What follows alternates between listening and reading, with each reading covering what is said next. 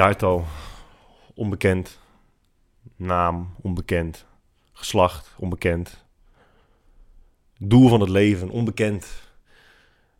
Hoe deze podcast heet is me eerlijk gezegd ook ontgaan. En welke aflevering het is, doet er ook niet toe. Volgens mij is het aflevering nummer 46.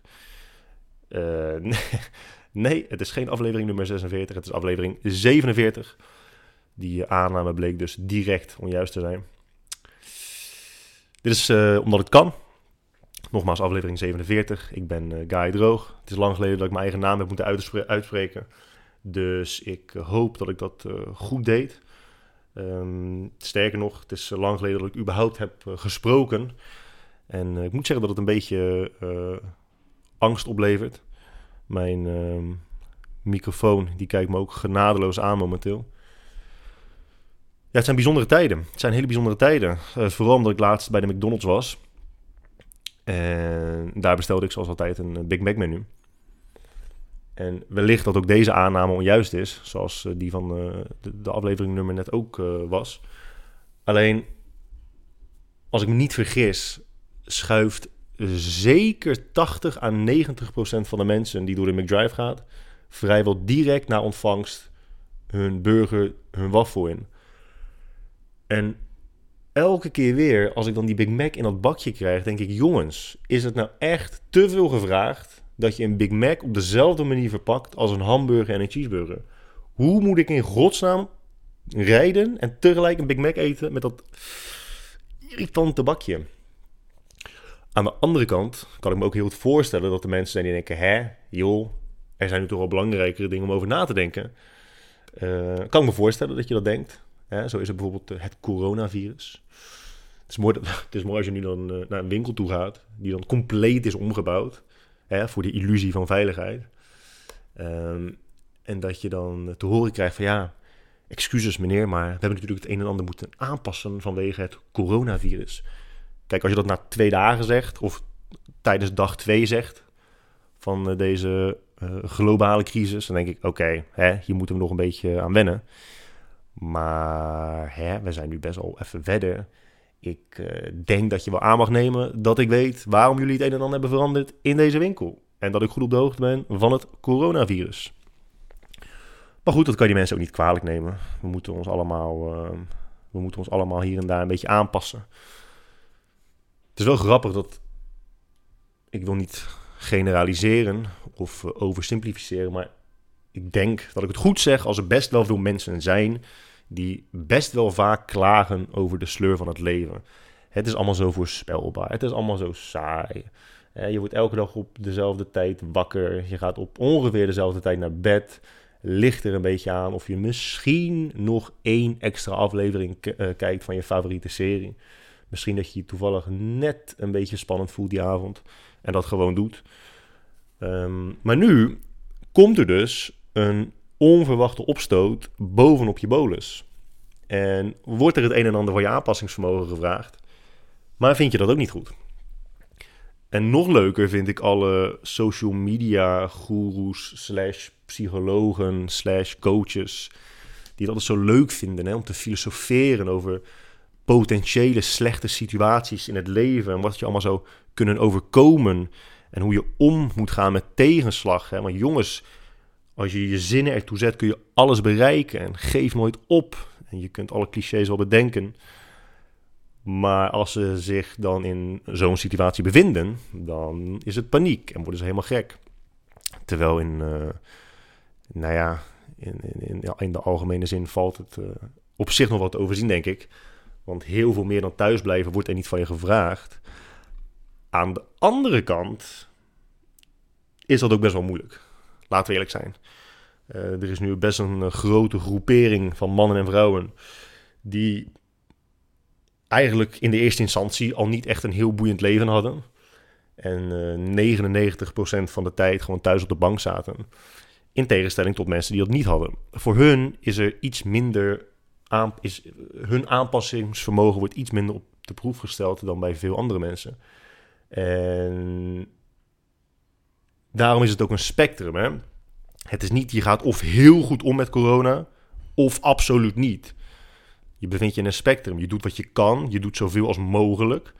Alleen de groep mensen die van iedereen verwacht dat iedereen zich exact hetzelfde opstelt gedurende deze periode als dat zij doen. En dat dan ook vanuit een vrij elitaire positie constant willen aankondigen op social media. Jongens, dat is best eng. Dat is best eng. Ehm, je moet je ook niet vergissen en je moet ook absoluut niet pretenderen dat jij altijd, hoe dan ook, koste wat het kost, de volksgezondheid boven alles zou verkiezen. Um, bijvoorbeeld, als jij of als jij en je partner allebei gewoon in loondiensten werken en jij krijgt aan het einde van de maand netjes je salarisstrookje, terwijl je niks anders hebt gedaan dan met je klit gespeeld en af en toe Netflix kijken. Um, ja, dat zorgt over het algemeen voor iets minder stress dan iemand die overnight, dus op maandag, ik weet niet meer welke dag het begon, maar op maandag nog gewoon best wel wat cashflow heeft en dinsdag wakker wordt en gewoon door krijgt. Oké jongens, nou ja prima, je gaat nu naar 0%. En het leuke is dan ook nog dat, oh, daar kan je toch helemaal gestoord van worden, dat er mensen zijn die dan zeggen, ja, had je maar een buffer moeten opbouwen.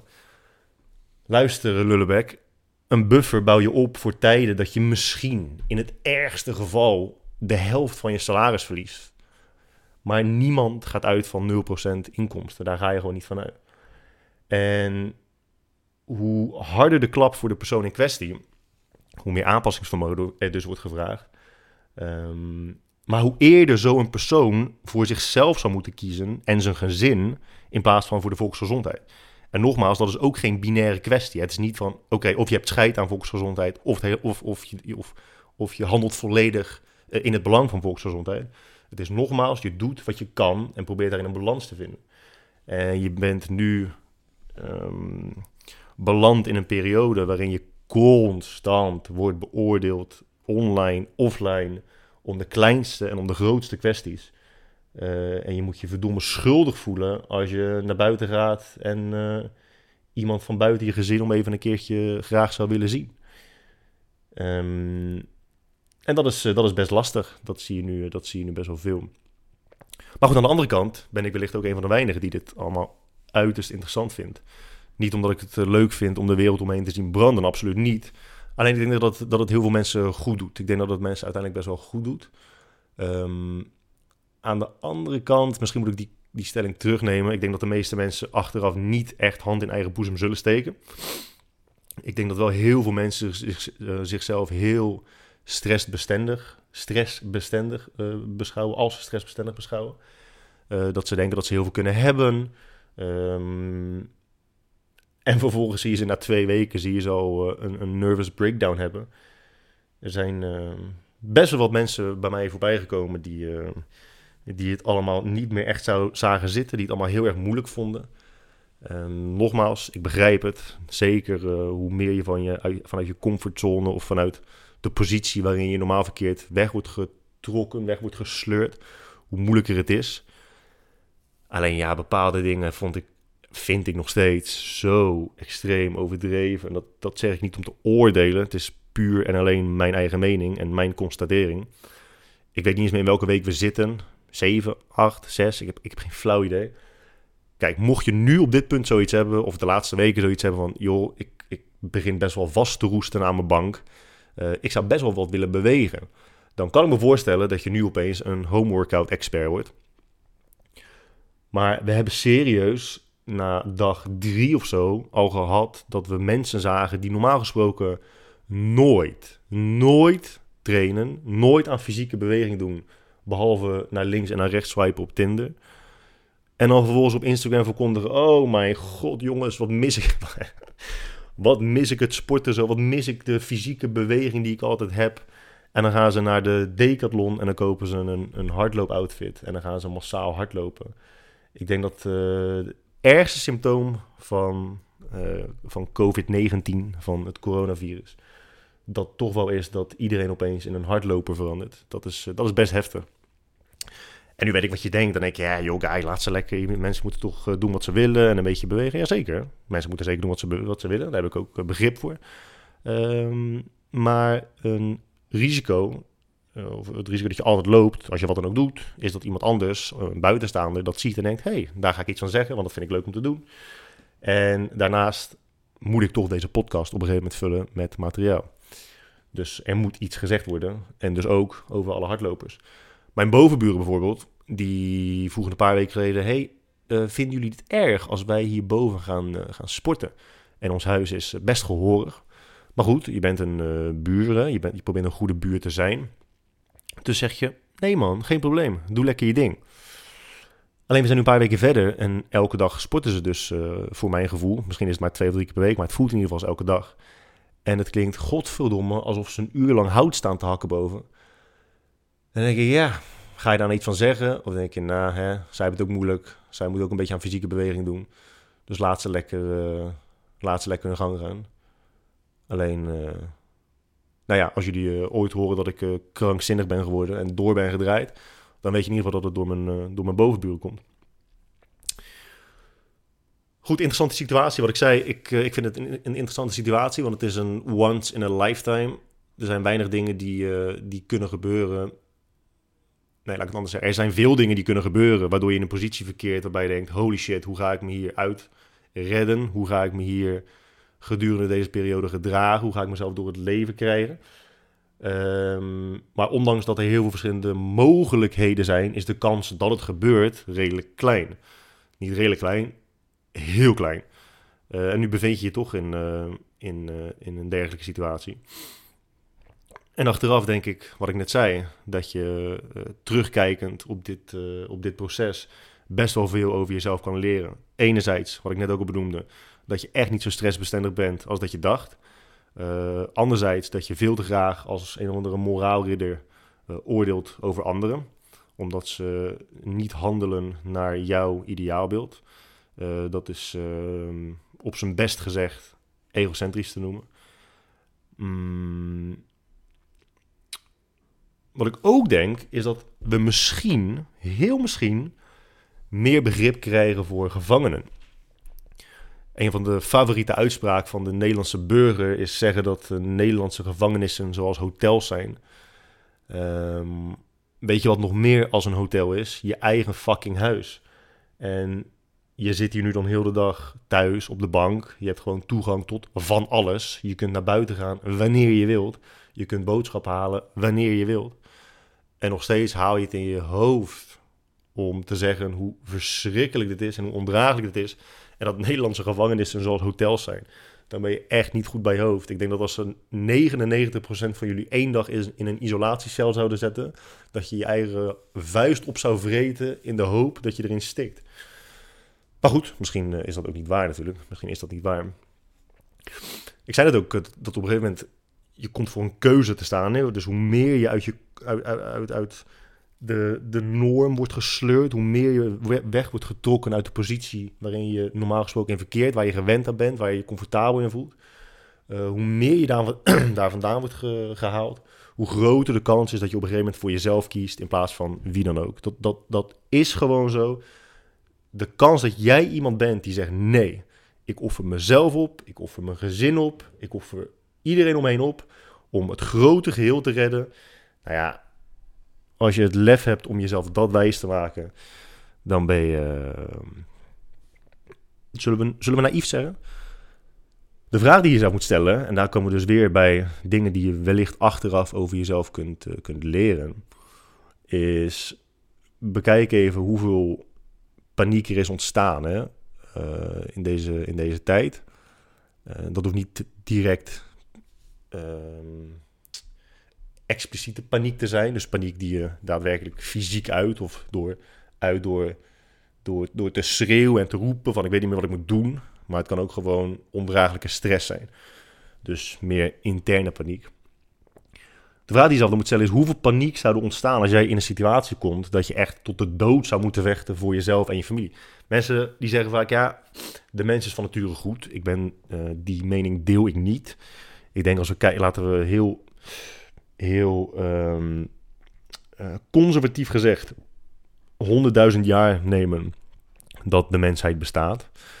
Uh, laten we 100.000 jaar uitgaan.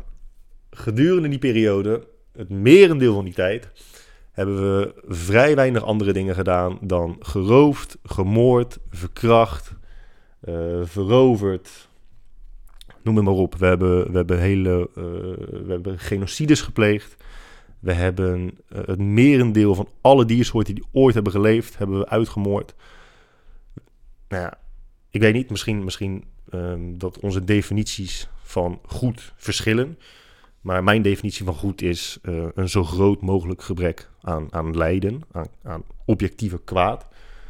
Objectief kwaad. Dus als we uitgaan dat het merendeel van die tijd, van die 100.000 jaar, de mens, nou ja, ik denk wel gewoon slecht te noemen is. Uh, en nu misschien een paar eeuwen dat niet is. Dat we niet kunnen stellen dat de mens van nature goed is. We kunnen wel stellen dat waarschijnlijk nu de mens van nature slecht is en altijd zal zijn. Maar door wetgeving en, uh, en, en, en uh, regels en luxe, vooral luxe, goed wordt gehouden. Want je ziet ook dat naarmate een maatschappij of een land armer wordt, dat waar, waar meer hongersnood is, dat criminaliteit, dat moord ook relatief hoger is dan in, uh, in rijke gebieden of in rijke landen. Um, of in gebieden waar overvloed is. Uh, punt wat ik wilde maken, want daar ben ik nu even van afgedwaald, omdat ik naar buiten kijk en ik zie een duif op een tak zitten en er is verder helemaal niks boeiend aan, maar uh, dat uh, vraagt even mijn aandacht. Uh, oh ja, het punt dat ik wilde maken is dat we ook in deze situatie niet zo heel ver vandaan, heel, heel ver verwijderd waren van het punt waarin mensen op dat primitieve gedrag terug hadden kunnen vallen. Ik denk dat we dat op een gegeven moment ook best wel hebben overschat, onderschat, sorry. Nu trekt het allemaal wel weer een beetje bij. Maar ik ben oprecht van mening dat we niet heel ver verwijderd waren van een punt waarop mensen, nogmaals, terug hadden gevallen op een, op een heel primitieve levensstijl. Waarin ze alles en iedereen hadden opgeofferd um, voor zichzelf. En met zichzelf bedoel ik jou, jezelf en je directe omgeving, je geliefde, je gezin. Um, ah ja, ah ja, alleen het punt uh, waarop mensen die keuze maken, dat verschilt dus gewoon onderling. En de ene kan daar langer mee wachten dan de ander. En dat de ene persoon die keuze eerder maakt of moet maken dan jij, maakt jou niet een beter mens. Het maakt jou alleen maar A, een moraalridder en B, iemand die gewoon in een iets betere situatie verkeert om deze periode te overbruggen. Um, maar goed, aan de andere kant betwijfel ik heel erg of dit bij uh, inzien zal landen bij mensen, aangezien we ook. Uh, hoe zeg ik dit zonder te neerbuigend te klinken? Want zo bedoel ik het niet. Het is nogmaals alleen maar mijn mening. Alleen ik vind dat in veel gevallen de domheid van de mens geen, uh, geen grenzen kent. Zo zien we bijvoorbeeld dat in plaats van dit soort onderwerpen die nu worden besproken, gaan we kijken naar, oh, hé hey jongens, zo, er zijn sterren die make-up vrijgaan tijdens corona of voor corona. En dan denk ik, oké, ja, wauw. Kylie Jenner die post foto's zonder, ik weet niet of het Kylie Jenner was, I don't give a shit. Ik weet niet, ik weet niet wie het was, maar waren, er waren een paar sterren die dus make-up vrij gingen. En dat er dan massa's mensen zeggen, zo, wat dapper, wat dapper dat jij dit doet. oh mijn god, moet je eens denken dat wereldwijd mensen bezig zijn met een vaccin tegen corona. En dat iedereen met zijn handen in zijn haren zit van jongens, wat gaan we nou doen? Welke keuze gaan we maken? Gaan we kiezen voor de economie? Gaan we kiezen voor volksgezondheid? Wat gaan we doen? We zijn natuurlijk verplicht, hè? zeker vanuit het perspectief van uh, uh, politiek. Uh, we, we, moeten wel kiezen voor volksgezondheid. We moeten wel alle 70 en 80-plussers moeten we redden. Ondanks dat ze waarschijnlijk wel niet zo heel lang meer hebben. Maar goed, stel je voor dat het jouw oma of opa is. We moeten, we moeten ze allemaal redden. Um, gaandeweg is dat de grootste prioriteit geworden van de mensheid. Iedereen zo lang mogelijk in leven houden. Daar heb ik het al eerder een keertje over gehad in een podcast. Uh, de vraag die je altijd moet stellen is: op welk punt is een mensenleven niet meer een mensenleven te noemen? En ik denk wel dat dat punt te kwantificeren is of te benoemen is. Maar goed, dat is nu niet, uh, niet heel erg boeiend. En ik snap ook heel erg dat dit enigszins koelbloedig klinkt. Want de vraag die jij nu stelt is: maar ja, wat als het jouw opa of oma was? Ja, dat zou ik verschrikkelijk vinden. Dat zou ik ondraaglijk vinden. Nou, niet ondraaglijk. Alles is op een gegeven moment wel draaglijk. Maar nogmaals, het zou, het zou absoluut, absoluut verschrikkelijk zijn. Dat is iets wat je niemand gunt. En mocht jij een familielid zijn uh, verloren tijdens uh, deze pandemie, dan ja, mijn, mijn medeleven, want dat, dat is oprecht heel erg. Alleen, je moet op een gegeven moment kiezen. En elke politici wordt natuurlijk gewoon keihard beoordeeld over de keuze die hij of zij eh, heeft gemaakt. gemaakt. Uh, maar ik denk dat je je niet kunt voorstellen hoe moeilijk die keuze is. Ik denk dat dat echt, dat het echt niet te doen is. In sommige landen, neem bijvoorbeeld Israël, kiezen ze uh, volledig voor volksgezondheid. Er mag, er mag niemand overlijden. Volgens mij hadden ze daar 20 of 30 doden. Hebben ze gelijk het land volledig op slot gegooid. Niemand mocht naar buiten. Mondkapjes verplicht. Je mocht helemaal, helemaal niks doen. Maar goed, die landen krijgen natuurlijk ook gewoon de economisch uh, grootste klap. Um, daar kun je voor kiezen. Ik denk nogmaals dat wij het in Nederland echt supergoed hebben gedaan. Onze economie die, uh, heeft ook heeft het zwaar te verduren. Daar kunnen denk ik heel veel mensen met mij over meepraten. Uh, maar ik denk dat wij een goede, goede balans hebben gekozen. En wat ik dan raar vind, en misschien zeg ik het verkeerd toe, maar er zijn heel veel mensen die dan zeiden: Oh jongens, ja, weet je, verschrikkelijk. stel je voor, stel je voor, in het allerergste geval dat de IC vol is en we moeten gaan kiezen. We moeten gaan kiezen wie we redden. Dat kun je toch niet voorstellen hoe erg dat is. En dan denk ik, hè, maar dat is toch wat we altijd al doen, ook met donorlijsten. Ik bedoel, de donorlijsten zijn veel te vol.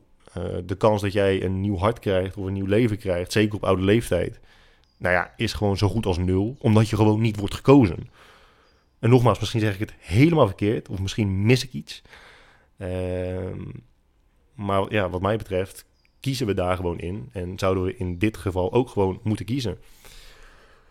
En ja, het idee dat je slachtoffers moet kiezen, aangezien niet iedereen te redden is, is voor heel veel mensen uh, niet te bevatten. Alleen is toch iets waar je gewoon uh, jezelf bij neer zou moeten leggen. Maar goed, aan de andere kant, en dat is ook mooi, want heel veel mensen zeggen natuurlijk, ja, weet je, je moet niet onderschatten wat een goed land Nederland is om, te, om, om in te wonen. En Nederland is echt een, uh, echt een geweldig land. En dat is ook zo. Alleen ik denk dat heel veel mensen zichzelf nog nooit in een, hele, he, in een heel diep dal hebben bevonden.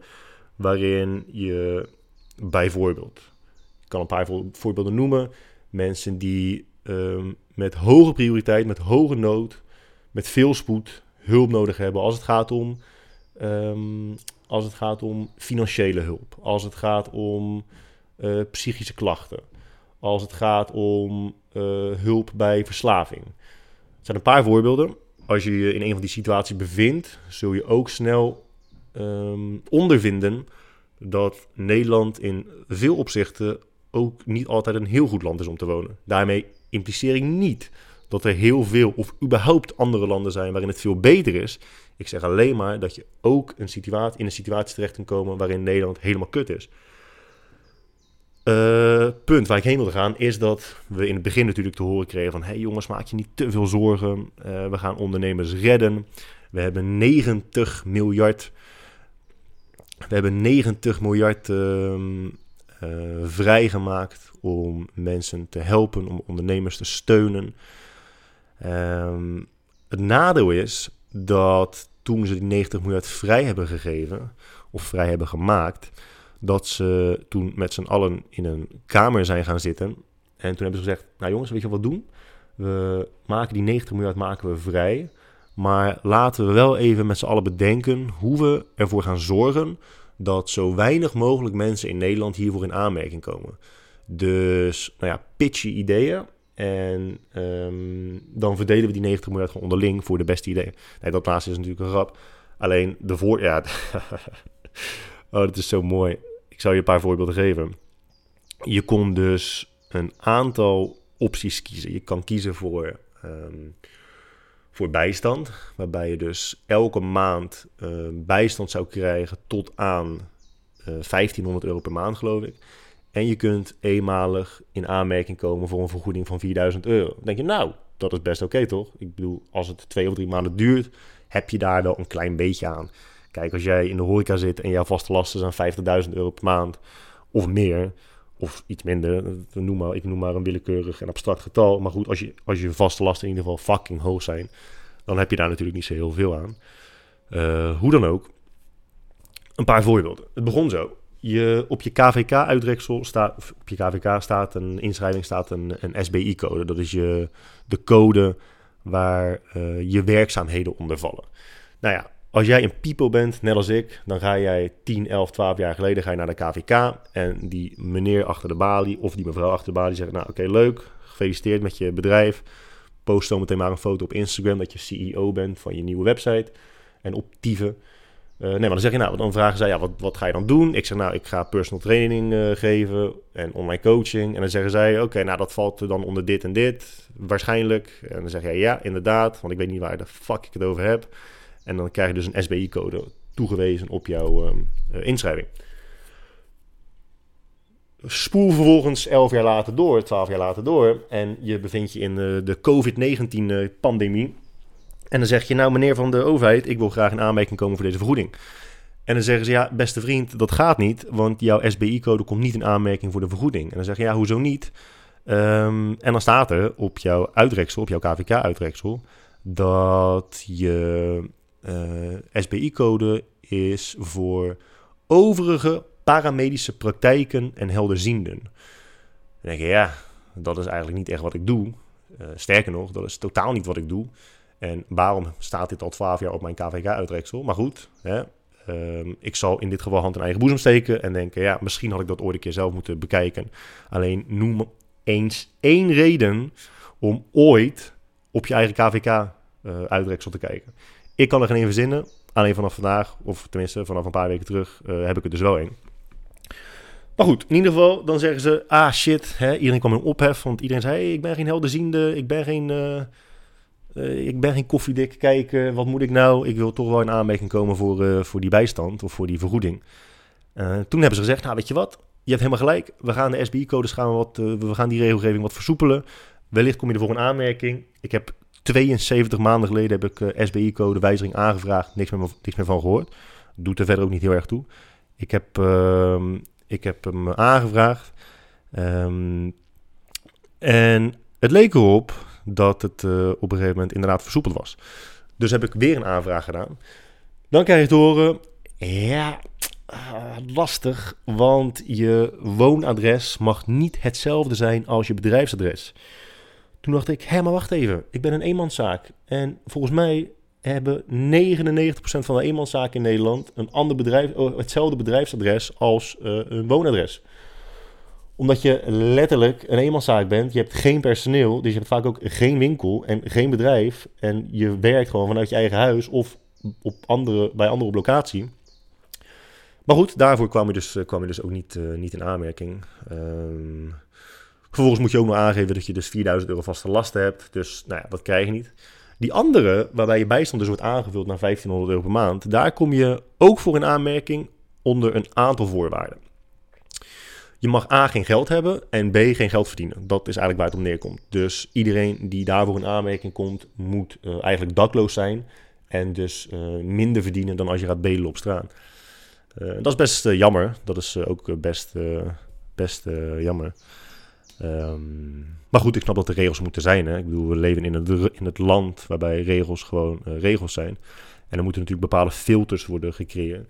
En ik weet ook dat er heel veel mensen zijn die hem wel hebben gehad hoor, vergis je niet. Alleen het is, uh, ze hebben het je niet makkelijk gemaakt. Ik denk, ik denk dat dat een, understatement is. Daarmee is natuurlijk nog niet alles gezegd, want we hebben ook de beste mensen van handhaving. En ik zal je een klein beetje door ons proces heen lopen, hoe wij dat hebben ervaren in, uh, in de gym. Dus toen het allemaal een beetje begon, um, toen hebben wij, onze gym is ongeveer 500 vierkante meter. Wij hebben heel snel gezegd, nou weet je wat we doen? We gaan voor een maximale bezetting van zes personen in de gym. Um, want als je 500 vierkante meter hebt en je neemt maximaal zes mensen in de gym, dan kun je makkelijk die anderhalve meter regel uh, waarborgen. Want dat leek altijd het belangrijkste, hè? die anderhalve meter. Behoud anderhalve meter afstand, jongens. Altijd die anderhalve meter. Oké, onthoud dat, hè? Anderhalve meter. Um, buiten die maximale bezetting van zes man kozen wij ervoor om iedereen verplicht zijn handen te laten ontsmetten bij binnenkomst. Wij hebben onze handen denk ik 24.000 keer per dag ontsmet. De vellen die hingen op een gegeven moment aan je vingertoppen. Doet er niet toe, we gaan er niet over klagen. Um, um is trouwens echt heel irritant, maar ik kom daar gewoon niet vanaf. Uh, godverdomme.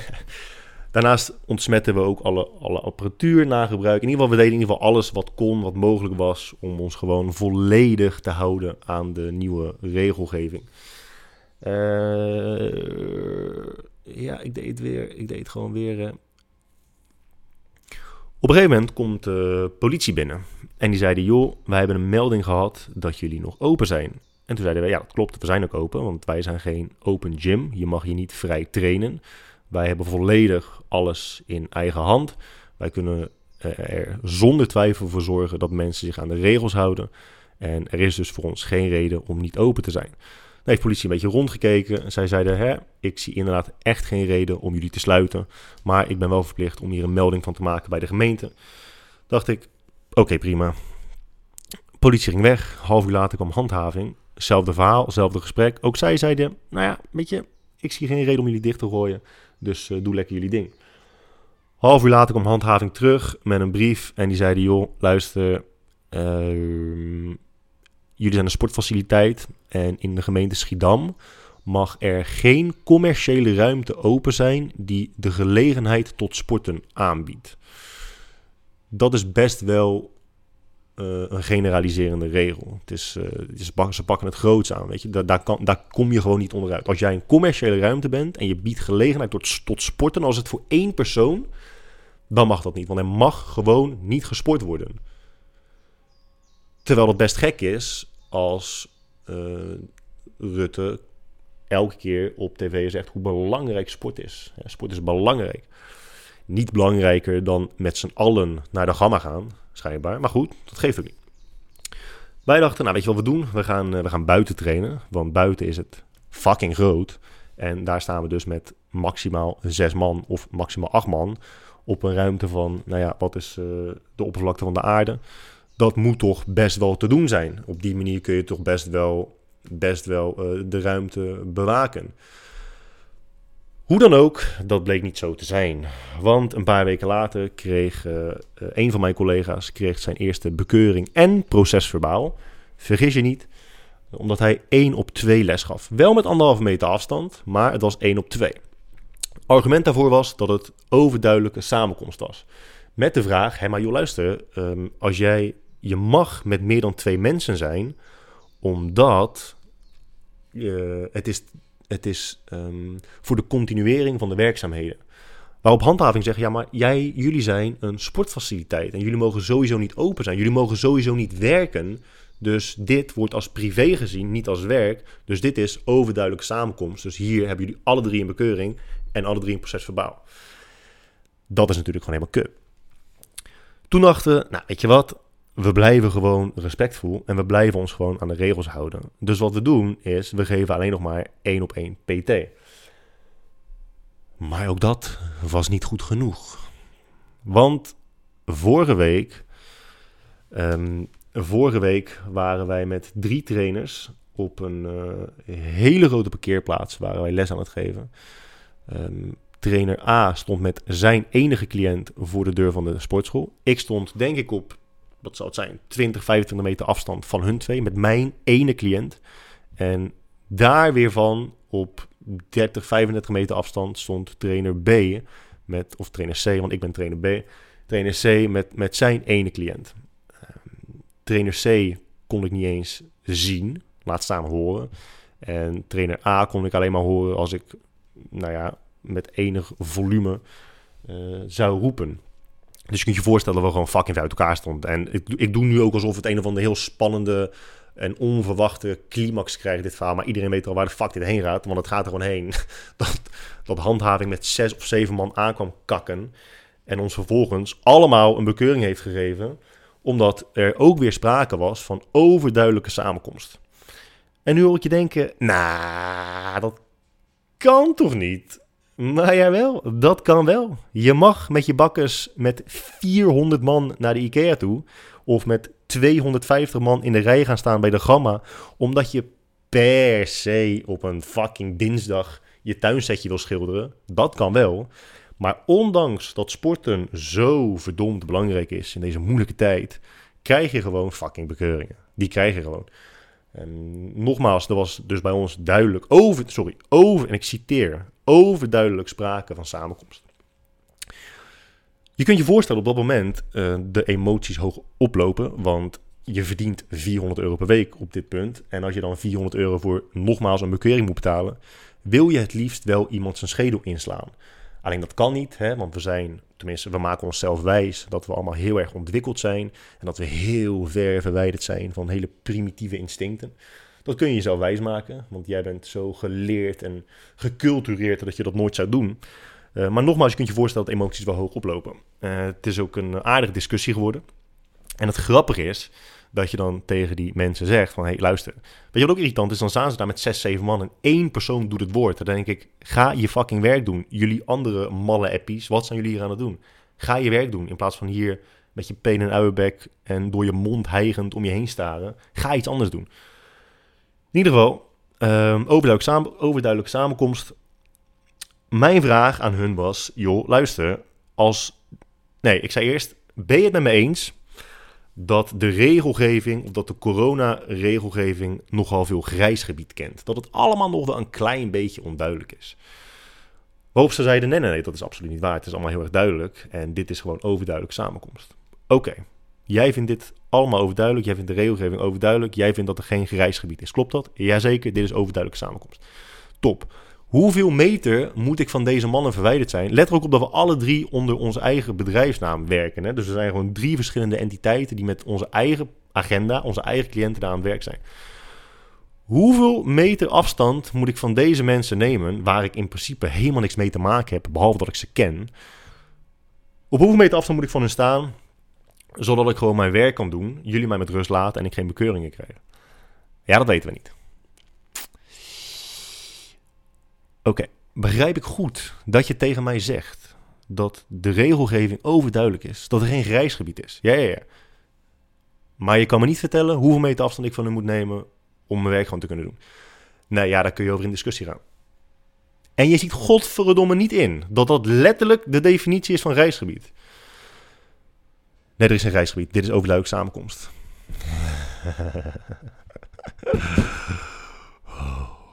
Als je, dat, als je dat gesprek een uur lang moet voeren en je kunt mij vertellen dat dat niet je geduld volledig uitput, nou dan heb ik eh, respect voor jou en dan ben je een beter mens dan ik. Vervolgens krijg je natuurlijk gewoon door dat ze je gaan bekeuren. Dan zeg je, hé, maar kijk eens even om je heen. Er staan daar allemaal mensen op de parkeerplaats letterlijk naast elkaar tegen een auto te hangen. Dat zie je gebeuren. Daar zeg je niks van. Je ziet ook bij ons dat we overduidelijk ons best doen om de regels met respect te behandelen. Je ziet dat iedereen één klant heeft. Je ziet dat we onderling anderhalf meter afstand behouden. Je ziet dat we tussen de trainers tientallen meters afstand bewaren. Je ziet toch dat wij ons best doen om de regels te volgen. Dat zie je toch? Dat, en dat verschil tussen ons en tussen de mensen daar verderop, dat zie je toch ook gewoon? Ja, ja, dat zien we zeker. En we, zijn ook heel blij dat jullie ons zo fatsoenlijk te woord staan. Maar vind je het dan niet een klein beetje vervelend om ons dan alsnog te bekeuren? Kun je niet gewoon zeggen: hey, weet je, ga jij gewoon veel verder staan en jij ook veel verder staan? Dan krijg je bij deze een waarschuwing en dan bekeur je ons gewoon niet. Kun je dat niet in je hart vinden om dat gewoon om dat zo te doen? Nee, zegt hij, tijd van waarschuwen is voorbij. Wij zijn verplicht om je te bekeuren.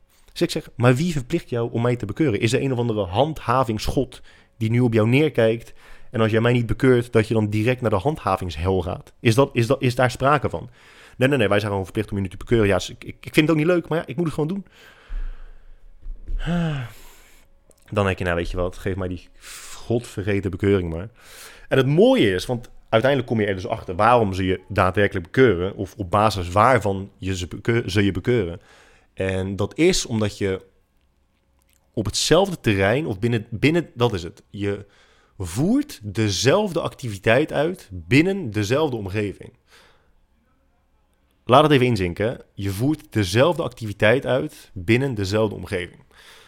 En dan is de cirkel rond, want dan ga je dus weer deze discussie aan. Dus ik zeg: Oké, maar als ik ga hardlopen in het park. En ik kom iemand anders tegen die dezelfde kant op loopt. En vervolgens komt er nog iemand bij die ook dezelfde kant op loopt. Dan voeren wij het op dezelfde activiteit uit binnen dezelfde, binnen dezelfde omgeving. Dus waarom krijgen niet alle hardlopers die in heel Nederland nu bezig zijn, omdat iedereen dat symptoom heeft, dat iedereen een hardloper is, waarom krijgen zij geen bekeuringen? Ja, want dat is niet overduidelijke samenkomst. Gozer, wat is de toegevoegde waarde van een onafhankelijke sport privé geven aan één persoon om dat samen uit te voeren met anderen? Daar heb ik helemaal geen initiatiefs aan. We zijn geen potje aan het voetballen. We zijn niet aan het darten. Ik geef één persoon les. Hij geeft één persoon les. En hij geeft één persoon les. We kunnen elkaar niet eens horen. En ik kan die andere rozen niet eens zien. Hoe is dit een gedeelde, een gedeelde activiteit? Het is in geen enkel opzicht een gedeelde activiteit. Zeg, ja, maar het is dezelfde activiteit. Maar wat dan als hij aan het bodybuilden is en hij is aan het crossfitten en zij doet conditietraining? Is het dan nog steeds dezelfde activiteit? Ja, omdat het er hetzelfde uitziet. Ja, daar, ja, daar kom je gewoon niet tussen. Je komt er gewoon echt, uh, je komt er gewoon echt niet tussen. Ik, het is eigenlijk, het is, als je erover nadenkt, is het wel echt heel erg. Het is wel heel mooi. Het is natuurlijk ontzettend triest. Het is echt zo, zo godschuwelijk triest. Omdat diezelfde kneus uh, afgelopen weekend natuurlijk met zijn gezin bij de IKEA stond. Want hij wilde voor de 34ste keer een nieuwe bonsai proberen te kopen. Om hem dit keer misschien wel in leven te kunnen houden langer dan een fucking week. Ik ben verder ook niet gefrustreerd hoor, maar deze manier van overbrengen is gewoon iets grappiger dan als ik constant zo zou praten. Er bevindt zich letterlijk geen greintje frustratie in me. Ah, het, is, ja, het is echt het is wel heel erg mooi. Dus goed, we hebben nu inderdaad uh, we hebben bekeuringen, we hebben procesverbalen. We komen uit deze periode als, uh, als crimineel. Uh, de eerste volgende keer dat we bekeurd worden, ja, ik weet dan niet wat er, wat er plaats zal vinden. Ik kan me voorstellen dat het niet heel, heel mooi is. Um, maar goed, we gaan het, we gaan het, we gaan het meemaken. En op een gegeven moment zat ik in de auto en toen dacht ik, oké, hoe kan het zijn dat... Ik ga even terug naar een van de eerdere onderwerpen, waarin ik zei, ja, iedereen wil filosoferen over slechte situaties en hoe ze daarin zouden handelen. En als het dan op een gegeven moment gebeurt dat ze dan, ja, dan weten ze gewoon niet wat ze moeten doen, want het is compleet onverwacht. dacht hoe kan dat? Mijn theorie, en het is niet een of andere overcomplexe theorie, het slaat eigenlijk helemaal nergens op, maar mijn gedachte daarbij was, dat dat komt omdat je kunt een je kunt een negatieve staat niet echt synthetisch creëren. Wat bedoel ik daarmee? Als jij euforie wilt ervaren, nou ja, het is geen geheim. Als jij MDMA neemt, dan, of als je ooit MDMA hebt genomen, dan weet je wat euforie is. En haal het alsjeblieft niet in je hoofd om nu te denken: ja, maar ik heb geen drugs nodig om euforie te voelen. Want als ik twee drankjes neem, dan voel ik me exact hetzelfde. Of, nou ja, als ik gewoon met mijn vriendinnen ben, heb ik het ook naar mijn zin. Ja, dude, dat zegt ook helemaal niemand dat je het niet naar je zin kan hebben zonder drugs. Niemand heeft dat ooit tegen je gezegd. Het punt is, en misschien is dat wel lastig te bevatten, maar bepaalde medicatie of bepaalde drugs worden ontwikkeld om iets heel specifieks te creëren of los te maken. Dat kan niet zonder dat specifieke middel. Je kunt absoluut niet de euforie ervaren die jij ervaart met bijvoorbeeld MDMA. Dat kan gewoon niet. Jouw brein is daartoe niet in staat. Dat jij denkt dat dat wel zo is, betekent niet dat dat de daadwerkelijke realiteit is. En dat verschil begrijpen is wel essentieel in heel veel gevallen. Dat vond ik meer frustrerend dan het hele handhavingsverhaal.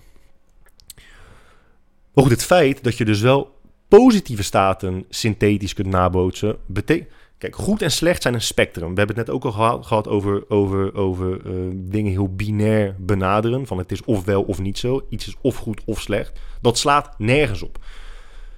Goed en slecht zijn een spectrum. Waarbij het uiterste goed is. Het andere uiterste de andere kant op is slecht. En alles ertussenin is ook, heeft ook, kun je ook een naam geven. Uh, het is niet of goed of slecht.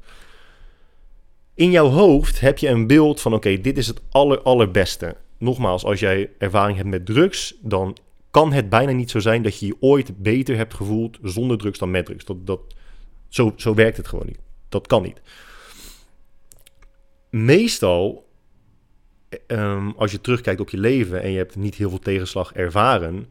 Uh, er zijn mensen die op volwassen leeftijd nog steeds bijvoorbeeld niemand hebben verloren uh, die overleden is, die, die heel close met ze was. Uh, behalve bijvoorbeeld een goudvis. En nogmaals, dat, dat bedoel ik helemaal niet lullig. Dat is oprecht, nou ja, dat is, dat is een luxe positie waar je in bevindt. En geniet ervan zolang dat nog duurt. Uh, dus dan is het slechtste wat je ooit hebt ervaren, is in het grote geheel niet zo heel slecht. En je kunt wel nadenken over hoe het zou zijn om in een hele slechte situatie te belanden. Maar dat, je, je, je kunt je dat gewoon niet bevatten. En als er dan zoiets gebeurt als dit, waarbij bijvoorbeeld in één keer al je inkomsten verdwijnen, waarbij in één keer meerdere familieleden ziek worden, waarbij in één keer al je sociale contacten, in ieder geval in de fysieke zin, worden verbroken, uh, waarbij je zo goed als verplicht wordt om binnen te blijven, en waarbij als je dat niet doet, jezelf schuldig moet voelen en moet verantwoorden, naar alles en iedereen, alleen maar omdat jij een klein beetje uh, gezond in je bovenkamer probeert, te blijven, um, dan kan dat echt wel als een hele, hele harde klap aankomen klinkt heel gek, maar het zou best wel een voordeel kunnen zijn als je dus een negatieve synthetische staat zou kunnen creëren. En ik heb deze gedachte nog niet echt verder uitgediept. En misschien kan het ook wel. Ik heb alleen nog niet bedacht hoe dat zou kunnen. Niet dat je daar per se naar zou moeten streven, maar ik denk wel, en daar heb ik het al vaak over gehad, dat een, een heel realistisch, niet alleen wereldbeeld, maar ook een realistisch begrip van dat hele spectrum van goed en slecht en hoe je je daarbij zou voelen of hoe je daarbij hebt gevoeld of uh, op dit moment voelt, en nog belangrijker, hoe je daarnaar zou handelen, dat dat uh, echt van heel veel meerwaarde is nu en, uh, en in de toekomst. Want dat is letterlijk wat relativeren is. En mensen hebben het altijd over relativeren. Ja, relativeren, relativeren. Ja, je moet relativeren.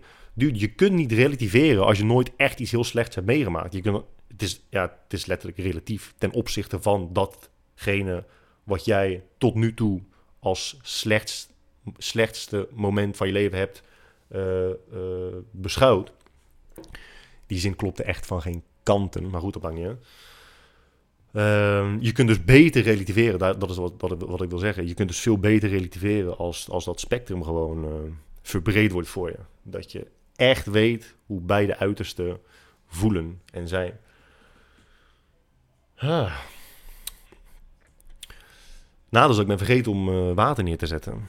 En dan denk ik, ja, zal ik nu dan opstaan en water halen? Met de kans dat als ik terugkom dat ik denk, ja, ik ben er nu uit. Of ga ik nu gewoon door en moet ik iets vaker dan normaal even aan mijn lipjes uh, likken? Als je in toe ASMR bent, dan uh, is dat misschien een aangename gedachte. Alleen, ik hou daar niet zo heel erg van. Of laat het gewoon hierbij, dat kan natuurlijk ook. Er is uh, best, veel, best veel gezegd in een best korte tijd. Sommige dingen waren heftig, dat weet ik. Ehm, andere dingen waren ook redelijk ongenuanceerd, dat weet ik ook. Ik heb bijvoorbeeld heel even kort gehad over gewoon zeggen... ja, misschien moeten we maar gewoon alle oude mensen dood laten gaan. En ik heb het daar ook bij gelaten. Dat betekent niet dat ik daar daadwerkelijk achter sta. Alleen, um, ja, nogmaals, in het kader van uh, een spectrum, in het kader van balans kiezen... ergens moeten keuzes worden gemaakt. En ik ben wel van mening dat altijd maar onder alle omstandigheden kiezen voor het redden van iedereen en iedereen zo lang mogelijk in leven houden, dat dat niet altijd per se de beste keuze is. En niemand vindt dat. Um, ja, dat heb ik nu al tachtig keer gezegd. De een die kiest gewoon eerder voor zichzelf dan andere, maar uiteindelijk kiest iedereen op een bepaald punt voor zichzelf uh, en voor zijn of haar naasten. En dat moet je echt heel goed in je oortje snopen. En dat dat punt gewoon onderling verschilt tussen mensen. Dus dat jij vaker thuis zit dan je buurjongen. Of dat je buurjongen net iets vaker naar de Albert Heijn gaat dan jij. Dat maakt jou echt geen betere persoon. En sterker nog, dat constant benoemen dat jij wel al 87 weken op de bank zit. Uh, en dus nu ook de laatste zes weken. Uh, dat maakt je misschien uh, best een, een, een vervelend persoon dat die mogelijkheid bestaat. Dat mensen dat als vervelend eh, beschouwen. In ieder geval, ik hoop dat iedereen hier uiteindelijk zonder kleerscheuren van afkomt. Uh, je overleeft het uiteindelijk echt wel één zomer zonder festivals. Ik snap dat het vervelend is, want je wilt natuurlijk je dansjes en je drankjes en je gezelligheid. Daar hebben we het ook al vaak over gehad. Hè? Als je dan iemand vraagt, hè, wat, uh, wat zijn jouw hobby's? Of wat zijn echt jouw passies in het leven? Nou ja, vrienden en gezelligheid en uh, leuke dingen doen en lekker eten. Jo, oké. Ja, want er zijn inderdaad mensen die dat allemaal gewoon helemaal kut vinden. En die het liefst vies eten eten en niet lachen. En elkaar helemaal de tyfus inslaan. Dat, ja, dat kunnen ook je hobby's zijn. Dat is redelijk ongebruikelijk. Maar wat uh, passies en hobby's betreft, uh, val je wel gewoon onder, onder de 99,99% van, van de andere mensen. Het punt is dat als je dat een jaartje niet moet doen, je moet het een jaartje overstaan. Tuurlijk, dat is echt helemaal kut. Het is echt heel erg vervelend. Um, het leven is kort, het leven is, uh, gaat snel voorbij, heb ik me laten vertellen. Dus één jaar in dat geheel, zeker in je jonge jaren, is, is best een flinke hap. Maar ehm, uiteindelijk komen we er allemaal wel doorheen. En schaam je vooral niet dat jij gewoon je werk zo goed mogelijk probeert te blijven doen. Hè? Laat je echt vooral anderen niet vertellen hoe, hoe egoïstisch je bent dat jij nog naar buiten durft te gaan om hier en daar nog een euro mee te pikken.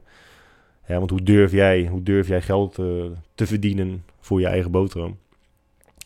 Had je maar in, in lonies moeten gaan, of had je maar uh, in een rijke familie moeten trouwen, dan had je daar geen, uh, geen last van. Ik zit even te denken of er nog iets is om te bespreken.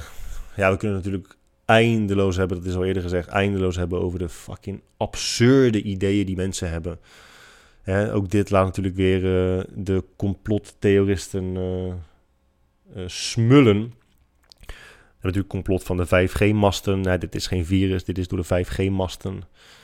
Ja, wat moet je daar nou van zeggen? Even serieus. Of nee, dit, is, dit virus is in een laboratorium gemaakt om de wereldbevolking te onderdrukken. Ja, oké. We gaan inderdaad een, een virus maken waarbij er 300.000 mensen doodgaan van de 8 miljard.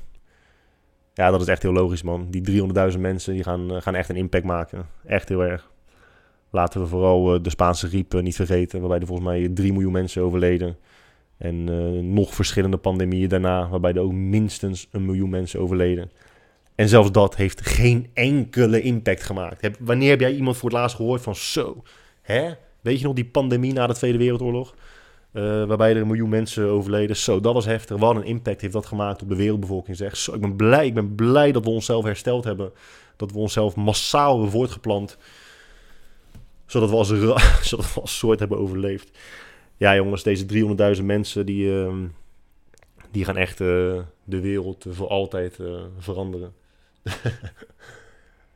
het kan trouwens wel. Het zou, het zou best wel kunnen dat het in een laboratorium is ontwikkeld in een poging tot het uh, uitroeien van de mens.